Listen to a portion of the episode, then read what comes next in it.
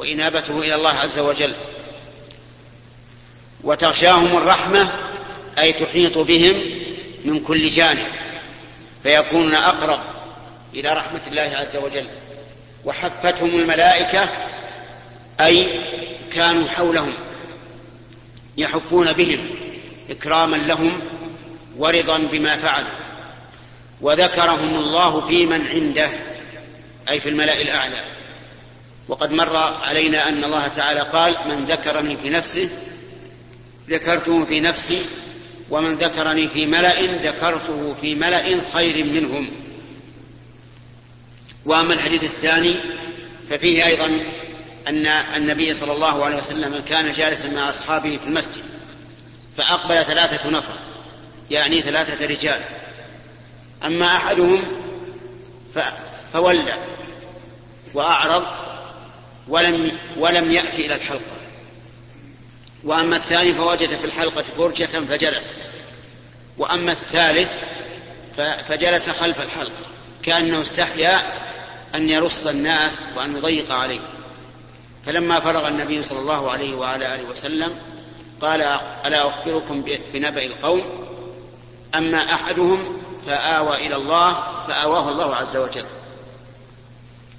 وهو الذي جلس. حيث كان صادق النية في الجلوس مع النبي صلى الله عليه وعلى آله وسلم فيسر الله له. وأما الثاني فاستحيا فاستحيا الله منه. لأنه ما زاح ولا تقدم. وأما الثالث فأعرض فأعرض الله عنه والعياذ بالله. لم يوفقه أن يجلس مع هؤلاء القوم البررة الأطهار. وفي هذا الحديث إثبات الحياء لله عز وجل.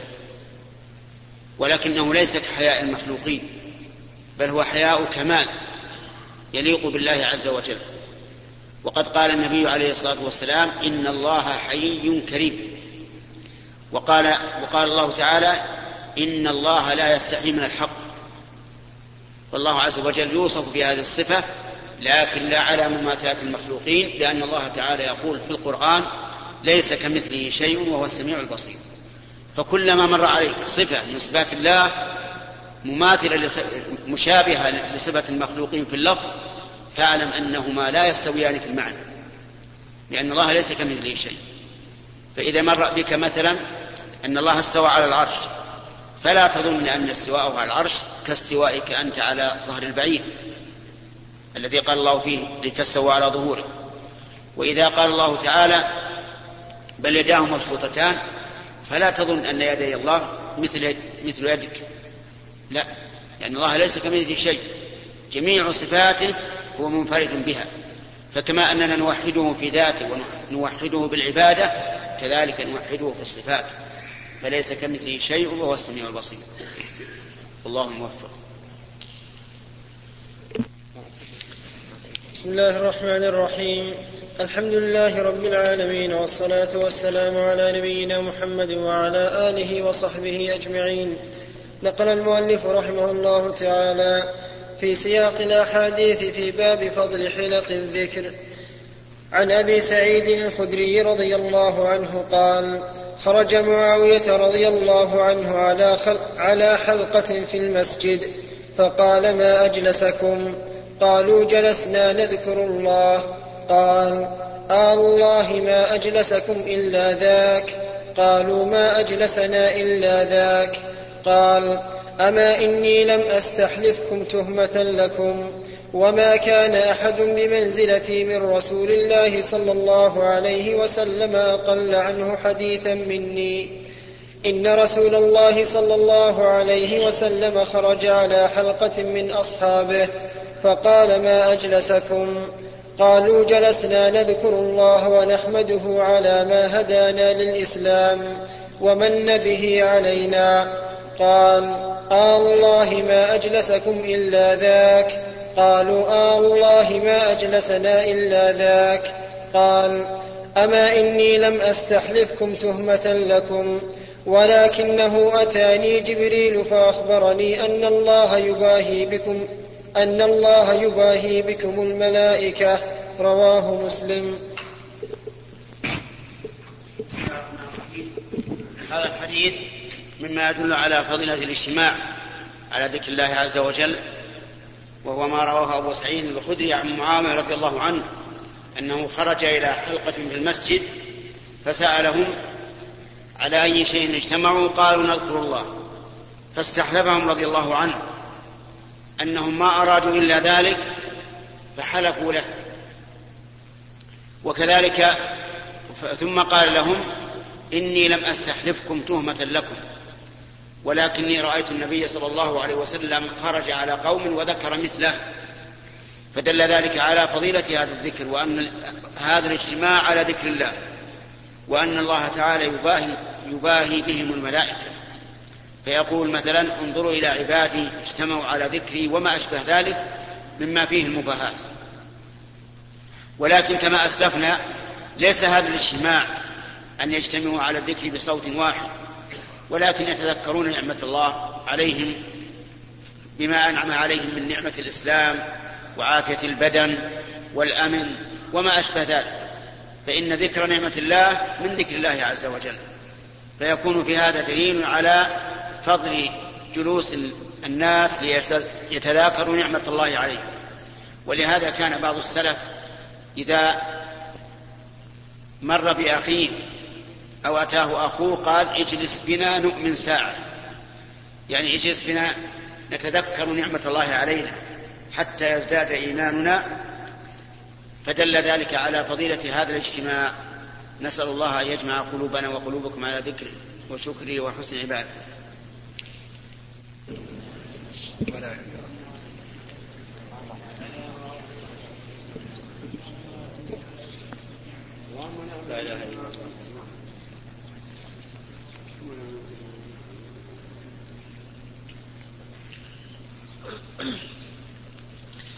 الله الرحمن الرحيم. الحمد لله رب العالمين والصلاة والسلام على نبينا محمد وعلى آله وصحبه أجمعين. قال رحمه الله تعالى باب الذكر عند الصباح والمساء. قال الله تعالى واذكر ربك في نفسك تضرعا وخيفة ودون الجهر من القول بالغدو والآصال ولا تكن من الغافلين. وقال تعالى وسبح بحمد ربك قبل طلوع الشمس وقبل غروبها. وقال تعالى وسبح بحمد ربك بالعشي والإبكار. وقال تعالى في بيوت أذن الله أن ترفع ويذكر فيها اسمه يسبح له فيها بالغدو والآصال رجال. رجال لا تلهيهم تجارة ولا بيع عن ذكر الله. الآية. وقال تعالى إنا سخرنا الجبال معه يسبحن بالعشي والإشراق بسم الله الرحمن الرحيم. قال المؤلف رحمه الله تعالى باب الذكر في الصباح والمساء يعني فضيلته. الصباح والمساء يعني أول النهار وآخر النهار وأول الليل. ويدخل الصباح من طلوع الفجر وينتهي بارتفاع الشمس ضحى ويدخل المساء بصلاة العصر وينتهي بصلاة العشاء أو قريبا منها. فالأذكار التي قيدت بالصباح والمساء هذا وقتها. والأذكار التي قيدت بالليل تكون بالليل. مثل آية الكرسي من قرأها في ليلة فلا بد أن تكون في آخر في, الليل نفسه. ثم ذكر المؤلف رحمه الله آيات متعددة في ذلك. منها قوله تعالى واذكر ربك في نفسك تضرع وخيفة ودون الجهل من من القول بالغدو والآصال ولا تكن من الغافلين. اذكر ربك في نفسك يعني فيما بينك وبين نفسك تضرعا وخيفة. يعني تضرعا إلى الله عز وجل وافتقارا إليه وإظهارا للفقر بين يديه وخيفة يعني خيفة منه أو خيفة أن لا تقبل لقول الله تعالى والذين يؤتون ما آتوا وقلوبهم وجلة أنهم إلى ربهم راجعون. يعني يأتون ما آتوا ومع ذلك يؤتون ما آتوا ومع هذا قلوبهم وجلة يخافون أن لا يقبل منهم لأن الله تعالى لا يتقبل إلا من المتقين. واذكر ربك في نفسك تضرعا وخيفة ودون الجهر من القول. يعني الإصرار ولا تكن ولا تكن من الغافلين. ثم ذكر أيضا قول الله تعالى يا أيها الذين آمنوا اذكروا الله ذكرا كثيرا وسبحوه بكرة وأصيلا. وقوله الناس سخرنا الجبال معه يسبحن بالعشي والإشراق. والآيات في هذا كثيرة. وسيأتي إن شاء الله في الأحاديث تفصيل ذلك.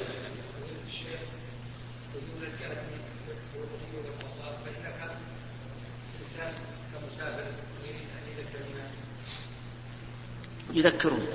يذكرون. مسافر المسافر والمقيم سواء. لكن إذا كان يخشى من إذا كان يخشى من التشويش على غيره أقول إذا إذا كان يخشى من التشويش فلا يشوش. بالخير يا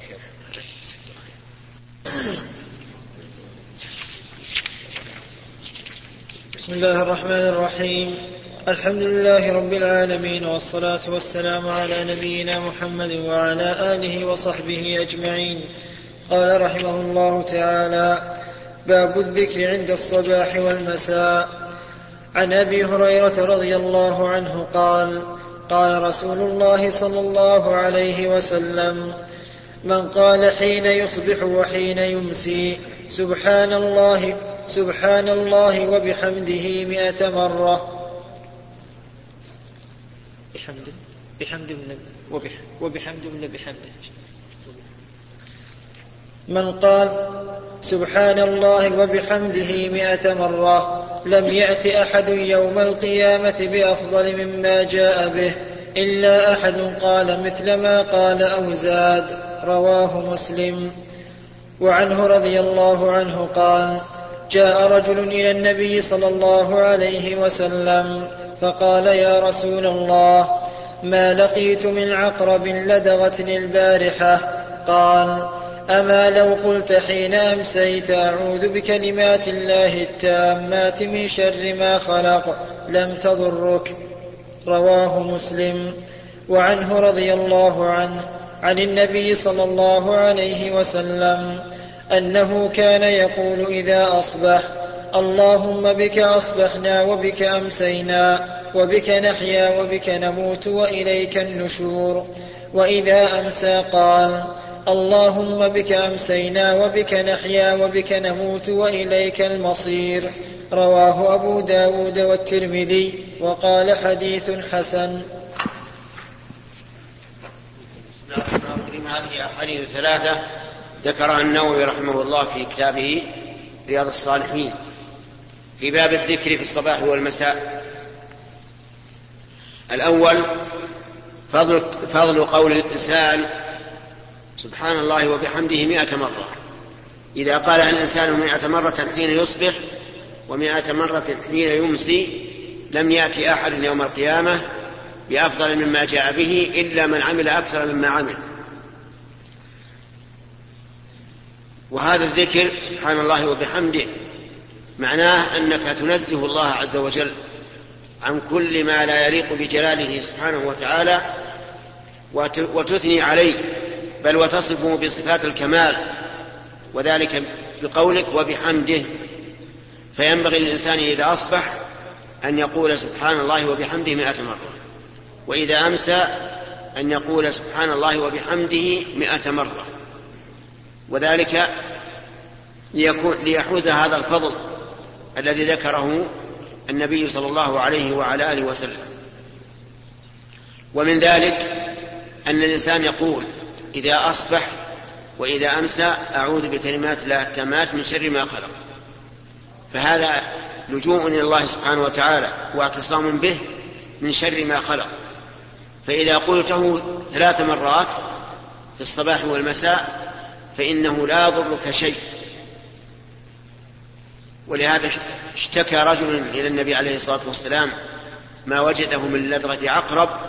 فقال أما إنك لو قلت أعوذ بكلمات الله التامات من شر ما خلق لم تضرك ومن الأذكار الصباحية والمسائية قول اللهم بك أصبحنا وبك أمسينا وبك نحيا وبك نموت وإليك النشور في الصباح.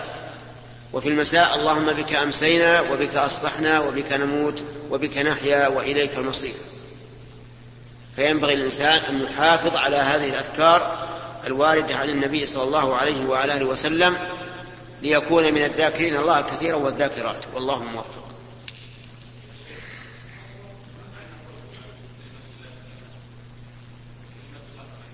كلمات التامات هي كلماته الكونية.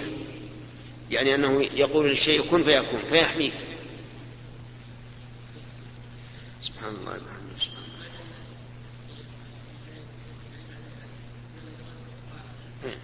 لا إذا قالها قبل. ما تسلط عليه. سبحان الله سبحان الله سبحان الله سبحان الله. والصلاة والسلام على نبينا محمد وعلى آله وصحبه أجمعين. نقل المؤلف رحمه الله تعالى في سياق الأحاديث في باب الذكر عند الصباح والمساء. عن أبي هريرة رضي الله عنه أن أبا بكر الصديق رضي الله عنه أن أبا بكر الصديق رضي الله عنه قال يا رسول الله مرني بكلمات أقولهن إذا أصبحت وإذا أمسيت. قال قل اللهم فاطر السماوات اللهم فاطر السماوات والأرض عالم الغيب والشهادة رب كل شيء ومليكه أشهد أن لا إله إلا أنت أعوذ بك من شر نفسي وشر الشيطان وشركه. قال قلها إذا أصبحت وإذا أمسيت وإذا أخذت مضجعك. رواه أبو داود والترمذي وقال حديث حسن صحيح. وعن بسم الله الرحمن الرحيم. هذا من الأذكار التي تقال في الصباح والمساء. والتي علمها النبي صلى الله عليه وعلى آله وسلم أبا بكر رضي الله عنه حيث قال علمني. فعلمه عليه الصلاة والسلام. دعاء ذكرا ودعاء يدعو به كلما أصبح وكلما أمسى يقول رضي الله عنه أول الحديث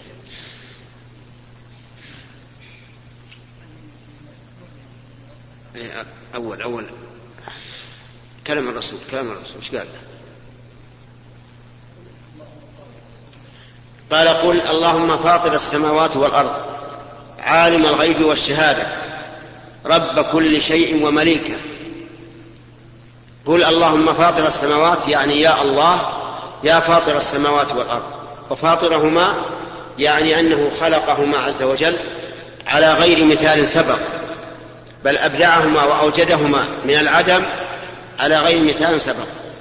عالم الغيب والشهادة أي عالم ما غاب عن الخلق وما شاهدوه لأن الله تعالى يعلم الحاضر والمستقبل والماضي. رب كل شيء ومليكه يعني يا رب كل شيء ومليكه. فالله تعالى رب كل شيء وهو مليك كل شيء. والفرق بين الرب والمالك في هذا الحديث أن الرب هو الموجد للأشياء الخالق لها والمليك هو الذي يتصرف فيها كما يشاء. أشهد أن لا إله إلا أنت أعترف بلساني وقلبي أنه لا معبود حق إلا أنت. فكل ما عبد من دون الله فإنه باطل. لا حق له في العبودية ولا حق في العبودية إلا لله وحده عز وجل. أعوذ بك من شر نفسي لأن النفس لها شرور كما قال تعالى وما أبرئ نفسي إن النفس لأمارة بالسوء إلا ما رحم ربي. فإذا لم يعصمك الله من شرور نفسك فإنها تضرك وتأمرك بالسوء. ولكن الله إذا عصمك من شرها وفقك لكل خير. ومن شر الشيطان وشركه وفي لفظ وشركه يعني تسأل الله أن يعيدك من شر الشيطان ومن شر شركه أي ما يأمرك به من الشرك أو وشركه والشرك ما يصاد به الحوت والطير وما أشبه ذلك لأن الشيطان له شرف يصطاد به بني, بني آدم إما شهوات أو شبهات أو غير ذلك. و أو أن وأن أقترف على نفسه سوءا أو أجره إلى مسلم. هذا تتمة الحديث. ولعله سقط من النسخة. أن أقترف على نفسي سوءا. أقترف يعني أجر على نفسي. سوءا أو أجره إلى مسلم. فهذا الذكر أمر النبي صلى الله عليه وسلم أبا بكر أن يقوله إذا أصبح وإذا أمسى وإذا أخذ مضجعه. نسأل الله لنا ولكم الهداية والتوفيق لما يحب ويرضى.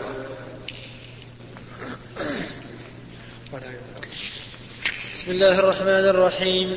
الحمد لله رب العالمين والصلاة والسلام على نبينا محمد وعلى آله وصحبه أجمعين. نقل المؤلف رحمه الله تعالى في سياق الأحاديث في باب الذكر عند الصباح والمساء. عن ابن مسعود رضي الله عنه قال كان نبي الله صلى الله عليه وسلم إذا أمسى قال أمسينا وأمسى الملك لله والحمد لله لا إله إلا الله وحده لا شريك له. قال الراوي أراه قال فيهن. له الملك وله الحمد وهو على كل شيء قدير. رب أسألك خير ما في هذه الليلة وخير ما بعدها وأعوذ بك من شر ما في هذه الليلة وشر ما بعدها. رب أعوذ بك من الكسل وسوء الكبر أعوذ بك من عذاب النار وعذاب في القبر. وإذا أصبح قال ذلك أيضا أصبحنا وأصبح الملك لله. رواه مسلم. بسم الله الرحمن الرحيم. هذا من الأذكار الواردة في الصباح والمساء وهو ما رواه ابن مسعود رضي الله عنه أن النبي صلى الله عليه وعلى آله وسلم كان إذا أمسى يقول أمسينا وأمسى الملك لله. والحمد لله لا إله إلا الله وحده لا شريك له له الملك وله الحمد وهو على كل شيء قدير. وقد سبق معاني هذه الكلمات والنبي صلى الله عليه وسلم يكثر من ذكر الله تبارك وتعالى على وجوه متنوعة. وأما ولا إله إلا الله وحده لا شريك له له الملك وله الحمد وهو على كل شيء قدير. ربي أسألك خير ما في هذه الليلة وخير ما بعدها وأعوذ بك من شر ما في هذه الليلة ومن شر ما بعدها. ربي أعوذ بك من الكسل والهرم وسوء الكبر وفي لفظ وسوء الكبر. وأعوذ بك من عذاب في النار وعذاب في القبر. وإذا أصبح قال مثل ذلك إلا أنه يقول أصبحنا وأصبح الملك لله. ومن أراد الاستزادة من هذه الأذكار فعليه بكتاب الأذكار للمؤلف رحمه الله للنووي أو الوابل الصيب من الكلم الطيب لابن القيم رحمه الله أو غير ذلك مما ألفه العلماء في هذا الباب. والله موفق.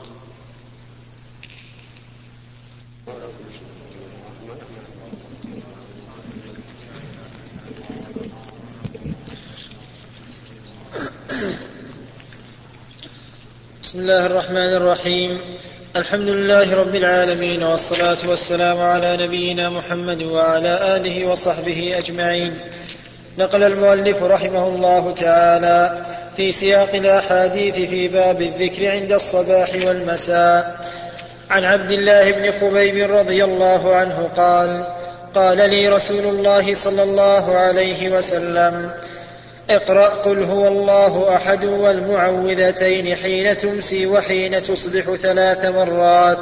تكفيك من كل شيء. رواه أبو داود والترمذي وقال حديث حسن صحيح. وعن عثمان بن عفان رضي الله عنه قال قال رسول الله صلى الله عليه وسلم ما من عبد يقول في صباح كل يوم ومساء كل ليلة بسم الله الذي لا يضر مع اسمه شيء. بسم الله الذي لا يضر مع اسمه شيء في الأرض ولا في السماء وهو السميع العليم. ثلاث مرات إلا لم يضره شيء. رواه أبو داود والترمذي وقال حديث حسن صحيح.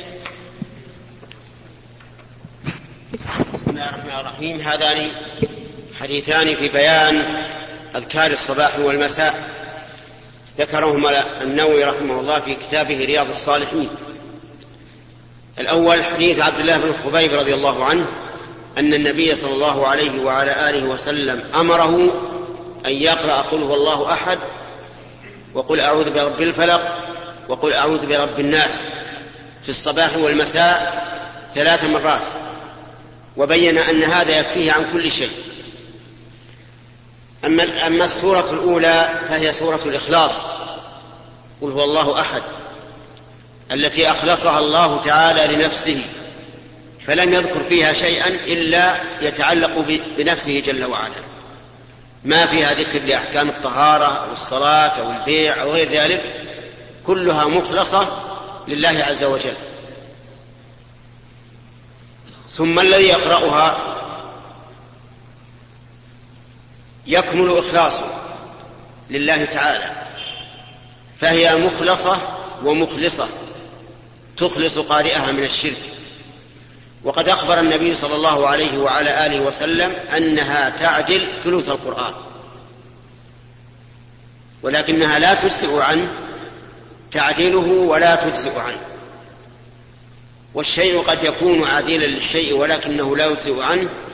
ألم تروا إلى الإنسان إذا قال لا إله إلا الله وحده لا شريك له له الملك وله الحمد وهو على كل شيء قدير كان كمن أعتق أربعة أنفس من ولد إسماعيل. ومع ذلك لا يجزئ عن عتق رقبة ففرق بين المعادلة في الأجر وبين الإجزاء في الكفارة. ولهذا لو قرأ الإنسان قل هو الله أحد في الصلاة لو قرأها ثلاث مرات ما أجزأت عن الفاتحة. مع أنه إذا قرأها ثلاث مرات كأنما قرأ القرآن كله لأنها تعدل ثلث القرآن. وأما قل أعوذ برب الفلق وقل أعوذ برب الناس فهما السورتان اللتان نزلتا على رسول الله صلى الله عليه وعلى آله وسلم حين سحره الخبيث لبيد بن الأعصم اليهودي. فأنزل الله هاتين السورتين فرقاه بهما جبريل فأحل الله عنه السحر. قال النبي صلى الله عليه وعلى آله وسلم ما تعوذ متعوذ بمثلهما. فاستعيذ برب الفلق الفلق فلق الإصباح وفلق وفالق الحب والنوى جل وعلا.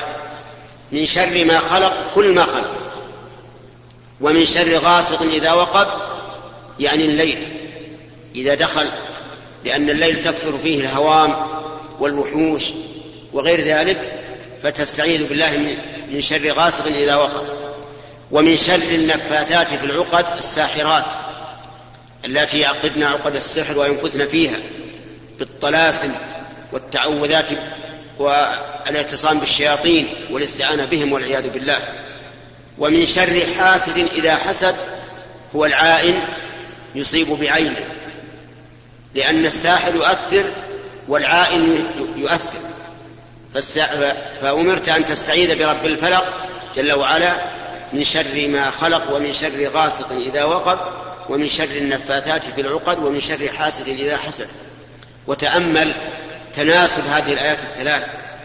من شر غاسق إذا وقب الليل لأن البلاء يكون فيه خفيا والسحر كذلك خفي والعين كذلك خفية.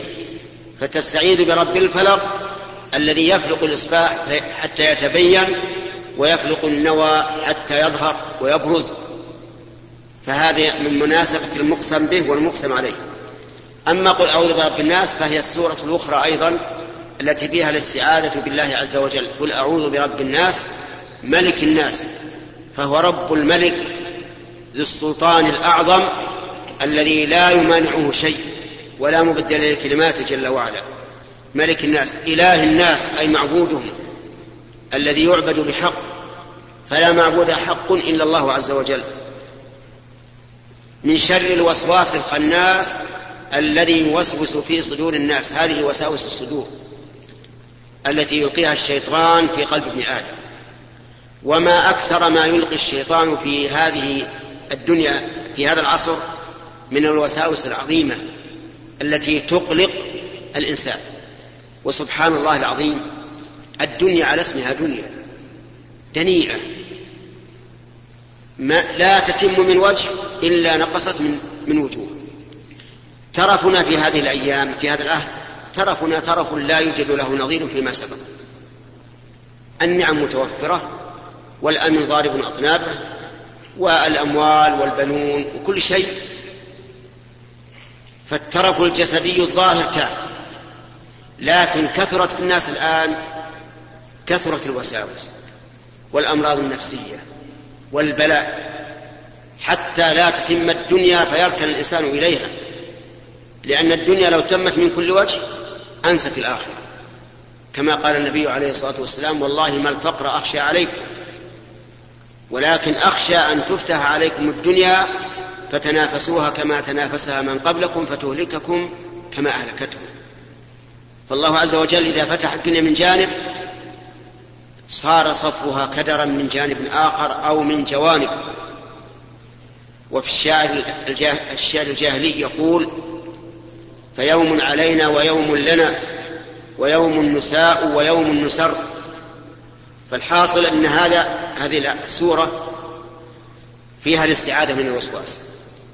والوسواس يقع في الإنسان أحيانا في أصول الدين وفي ذات الرب وفي القرآن وفي الرسول حتى يوسوس الإنسان في أشياء يحب أن يكون فحمة ولا يتكلم بها. وسواس أيضا في الطهارة. بعض الناس يصاب بالوسواس والعياذ بالله يدخل الحمام للوضوء الذي لا يستغرق خمس دقائق يبقى خمس ساعات. نسأل الله العافية. في الصلاة. تجده يكرر تكبيرة الإحرام يكرر الكاف عشرين مرة. الله أكبر. وربما يعجز. حتى إن بعضهم يقول أنا لا ما أستطيع أصلي إطلاقا. فيؤدي به الوسواس إلى ترك الصلاة. نسأل الله العافية. يقع الوسواس في معاملة الأهل. حتى إن بعضهم يخيل إليه أن أهله جعلوا له سحرا في أكله وشربه. فيأكل من المطاعم.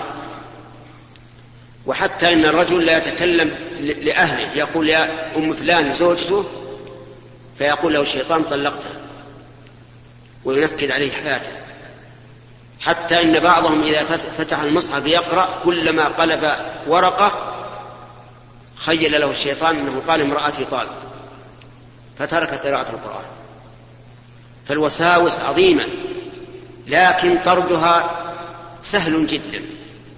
بينه النبي عليه الصلاة والسلام الذي أعطاه الله جوامع الكلم وفواتح الكلم وخواتم الكلم حين شكي إليه هذا الأمر فقال صلى الله عليه وسلم إذا وجد أحدكم ذلك فليستعذ بالله ولينتهي. كلمتان فليستعذ بالله. يقول أعوذ بالله من الشيطان الرجيم. لكن يقول بصدق وإخلاص وأنه ملتجئ إلى الله حقا لا مفر له من الله إلا إليه. ولينتهي يعرض عن هذا. يعرض. يقول لنفسه أنا ليش إني أتوضأ وأصلي؟ ألست أرجو الله وأخافه؟ فينتهي عن هذا يعرض إطلاقا. إذا استعمل هذا وإن كان سوف يكبس على نفسه وسوف يتعلم وسوف يتعذب لكن هذا في أول الأمر ثم بعد ذلك يزول بالكلية. لأن الرسول صلى الله عليه وسلم لا ينطق عن الهوى. قال فليستعذ بالله ولينتهي. قل أعوذ برب الناس ملك الناس إله الناس من شر الوسواس. هذه الجمل الثلاث الآيات الثلاث يمكن أن يقال إن استوعبت أقسام التوحيد. رب الناس توحيد إيش يا الربوبية ملك الناس الأسماء والصفات. لأن الملك لا يستحق أن يكون ملكا إلا بتمام أسمائه وصفاته. إله الناس الألوهية. من شر الوسواس الخناس الذي يوسوس في صدور الناس من الجنة والناس. قال العلماء الخناس الذي يخنس عند ذكر الله. ولهذا جاء في الحديث إذا تغولت الغيلان فبادروا بالأذان. الغيلان أوهام وخيالات تعرض للإنسان في سفره ولا سيما في, في الأسفار الأولى على الإبل. أو الإنسان يسافر وحده فتتغول له الشياطين تتلون بألوان مزعجة أسد ذئب ضبع شياطين جن. إذا تغولت الغيلان فبادروا بالأذان. يعني يقول الله أكبر فتتلاشى. لأن الشيطان يخنس عند ذكر الله عز وجل. من شر الوسواس الخناس الذي يوسوس في صدور الناس من الجنة والناس. يعني هذا الوسواس يكون من الجنة ويكون من الناس. الجنة يعني الجن والمراد بهم الشياطين توسوس في الصدور. والناس أيضا شياطين بني آدم. وما أكثر الشياطين في زمننا وقبل زمننا وإلى يوم القيامة. وكذلك جعلنا لكل نبي عدوا من المجرمين. كذلك لأتباع الأنبياء أعدى من المجرمين.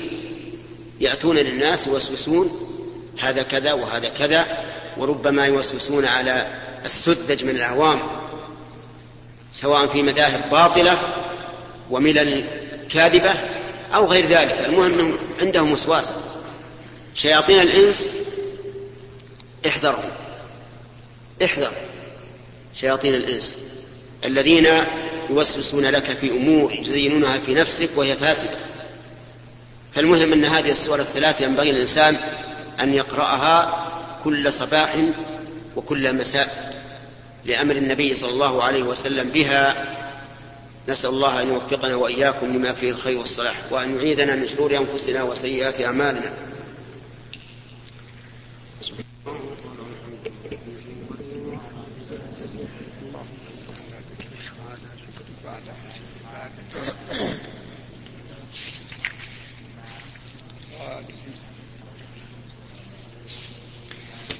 الله الرحمن الرحيم. الحمد لله رب العالمين والصلاة والسلام على نبينا محمد وعلى آله وصحبه أجمعين. نقل المؤلف رحمه الله تعالى في سياق الأحاديث في باب الذكر عند الصباح والمساء.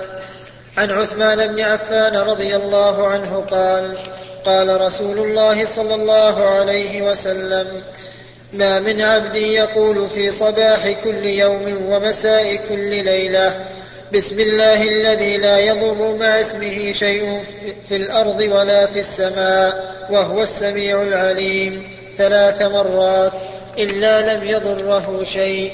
رواه أبو داود والترمذي وقال حديث حسن صحيح. باب ما يقوله عند النوم. قال الله تعالى إن في خلق السماوات والأرض واختلاف الليل والنهار لآيات لأولي الألباب. الذين يذكرون الله قياما وقعودا وعلى جنوبهم. ويتفكرون في خلق السماوات والأرض. ربنا ما خلقت هذا باطلا سبحانك فقنا عذاب النار.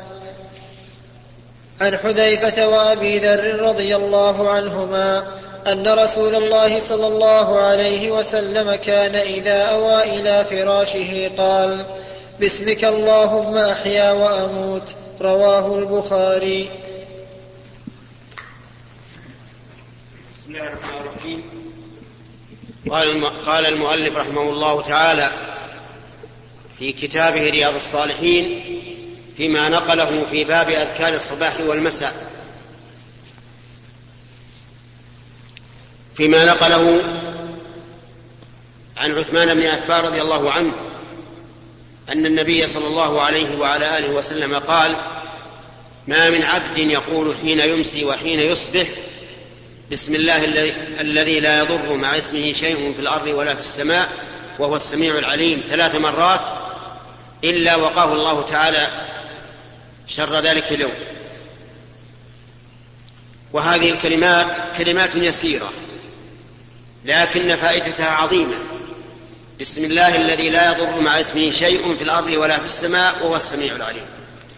لأن الله سبحانه وتعالى بيده ملكوت السماوات والأرض. واسمه مبارك إذا ذكر على الشيء ولهذا يسن يسن ذكر الله تعالى بالتسمية على الأكل. إذا أردت أن تأكل تقول بسم الله إذا أردت أن تشرب تقول بسم الله إذا أردت أن تأتي أهلك تقول بسم الله. فالتسمية مشروعة في أماكن كثيرة. لكنها على القول الراجح عند الأكل والشرب واجبة. يجب على الإنسان إذا أراد أن يأكل أن يقول بسم الله. وإذا أراد أن يشرب أن يقول بسم الله. لأمر النبي صلى الله عليه وعلى آله وسلم بذلك. ولأن النبي صلى الله عليه وعلى آله وسلم ذكر أن من لم يسم الله على أكله شاركه الشيطان في ذلك. فلا تنسى أن تقول كل صباح وكل مساء. بسم الله الذي لا يضر مع اسمه شيء في الأرض ولا في السماء وهو السميع العليم.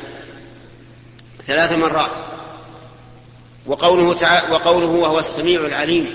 السميع من أسماء الله والعليم من أسماء الله. فالسميع من أسماء الله تعالى ولها معنيان. الأول السمع. الذي هو إدراك كل صوت فالله تعالى لا يخفى عليه شيء. كل صوت فالله يسمع. مهما بعد ومهما ضعف. لما أنزل الله تعالى قد سمع الله قول التي تجادلك في زوجها وتشتكي إلى الله والله يسمع تحاوركما. إن الله سميع بصير. وهي امرأة جاءت تشتكي إلى الرسول عليه الصلاة والسلام تقول إن زوجها ظاهر منها. يعني قال لها أنت علي أنت علي كظهر أمي. وهذا القول يعد في الجاهلية طلاقا بائنا. مثل الطلاق الثلاث؟ وهو كذب ومنكر. كما قال تعالى وإنهم ليقولون منكرا من القول وزورا. فجاءت تشتكي إلى الرسول عليه الصلاة والسلام. فأنزل الله هذه الآية. قد سمع الله قول التي تجادلك في زوجها وتشتكي إلى الله. قالت عائشة رضي الله عنها الحمد لله الذي وسع سمعه الأصوات. والله لقد جاءت المجادلة إلى رسول الله صلى الله عليه وسلم تكلمه وإني لفي الحجرة ويخفى علي بعض حديثها. والله تعالى فوق سبع سماوات يسمع كلامها فالله تعالى يسمع كلامك وإن خفي. أم يحسبون أنا لا نسمع سرهم ونجواهم؟ بلى ورسلنا إليهم يكتبون. فإياك أن تسمع الله عز وجل ما لا يرضاه منك من القول وأحرص على أن تسمع الله ما يرضاه منك. ومن معاني السميع أنه سميع الدعاء. أي مجيب الدعاء. كما قال إبراهيم عليه الصلاة والسلام رب كما قال إبراهيم عليه الصلاة والسلام إن ربي لسميع الدعاء. أي مجيب فهو جل وعلا يجيب الدعاء. يجيب دعاء المضطر وإن كان كافرا. ولهذا يجيب الله تعالى دعاء المضطرين في البحر إذا غشيهم موج كالظلل. دعوا الله مخلصين له الدين. فينجيهم ويجيب جل وعلا دعوة المظلوم. قال النبي صلى الله عليه وسلم واتق دعوة المظلوم فإنه ليس بينها وبين الله حجاب. ويجيب سبحانه وتعالى من, من تعبد له وحمده وأثنى عليه. كما يقول المصلي سمع الله لمن حمده. وأما العليم فهو من أسمائه أيضا وعلم الله تعالى علم واسع محيط بكل شيء. قال الله تعالى وعنده مفاتح الغيب لا يعلمها إلا هو ويعلم ما في البر والبحر وما تسقط من ورقة إلا يعلمها ولا حبة في ظلمات الأرض ولا رطب ولا يابس إلا في كتاب مبين. يعلم ما في يعلم ما في الأرحام وهو مفاتح, مفاتح الغيب خمس. مذكورة في قوله تعالى إن الله عنده علم الساعة وينزل الغيث ويعلم ما في الأرحام وما تدري نفس ماذا تكسب غدا وما تدري نفس بأي أرض تموت. فالله عز وجل عنده مفاتح الغيب. ما تسقط من ورقة من شجرة إلا يعلمها. إذا سقطت ورقة في شجرة في أبعد الفيافي ولو كانت الورقة صغيرة فالله يعلم. وإذا كان يعلم الساقط فهو جل وعلا يعلم الحادث الذي يخلقه. فكل شيء فالله به عليم. أيها الإخوة في ختام هذه المادة